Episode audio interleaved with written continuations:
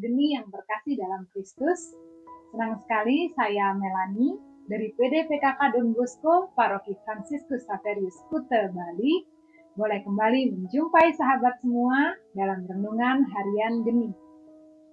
Hari ini Jumat 9 April 2021, hari Jumat dalam Oktav Paskah, kita akan bersama-sama merenungkan sabda Tuhan dari Injil Yohanes bab 21 ayat 1 sampai 14 dengan tema merasakan kehadiran Yesus.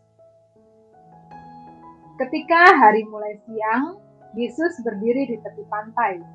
Akan tetapi, murid-murid itu tidak tahu bahwa itu adalah Yesus. Bacaan Injil hari ini berkisah tentang penampakan Yesus kepada murid-muridnya di tepi Danau Tiberias. Penampakan ini adalah yang ketiga kali setelah Yesus bangkit dari antara orang mati. Setelah kepergian Yesus, murid-murid kembali ke pekerjaan awal mereka sebagai penjala ikan atau nelayan. Sebagai nelayan, mereka sudah sangat berpengalaman menghadapi laut, angin, bahkan juga badai. Tetapi hari itu, setelah semalaman mereka berlayar, yang tentu saja artinya mereka sudah mengerahkan segenap kemampuan dan usaha, mereka tidak berhasil menangkap apa-apa. Tentu mereka merasa lelah, kecewa, bersungut-sungut juga mungkin. Sehingga mereka tidak dapat mengenali Yesus yang berdiri di tepi pantai. Dan tetapi kemudian mereka mau menanggapi perkataan Yesus, mengikuti saran Yesus yang saat itu belum mereka kenal, dan akhirnya mereka dapat menangkap begitu banyak ikan. Kemanusiaan murid-murid Yesus membuat mereka tidak menyadari kehadiran Yesus yang tidak tampak secara nyata.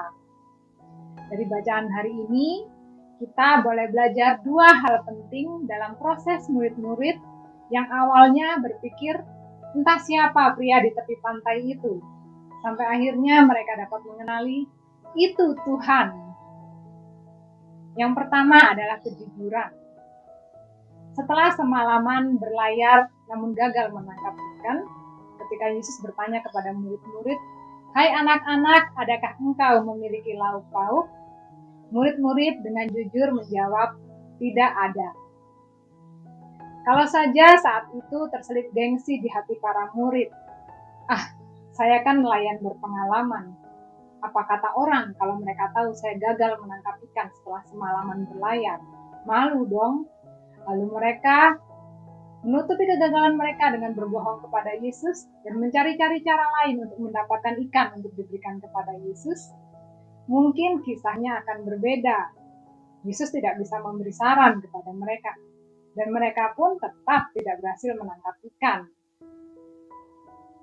Kita, manusia pun sering merasa malu untuk mengakui kegagalan dan kelemahan kita. Bahkan kadang kita menutupi kegagalan kita dengan kebohongan. Yang tentu saja satu kebohongan harus ditutupi dengan kebohongan yang lain.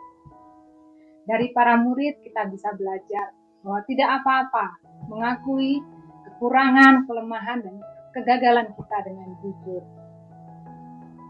Kejujuran dengan hati yang terbuka menjadi langkah awal untuk Yesus dapat masuk dan menuntun hidup kita. Kejujuran bahwa ya, saya memiliki kekurangan. Kejujuran bahwa ya, Tuhan telah menganugerahkan talenta dan akal budi kepada saya, namun kadang saya juga bisa gagal dalam usaha saya. Kejujuran bahwa ya, saya manusia lemah dan saya butuh kekuatan dari Tuhan.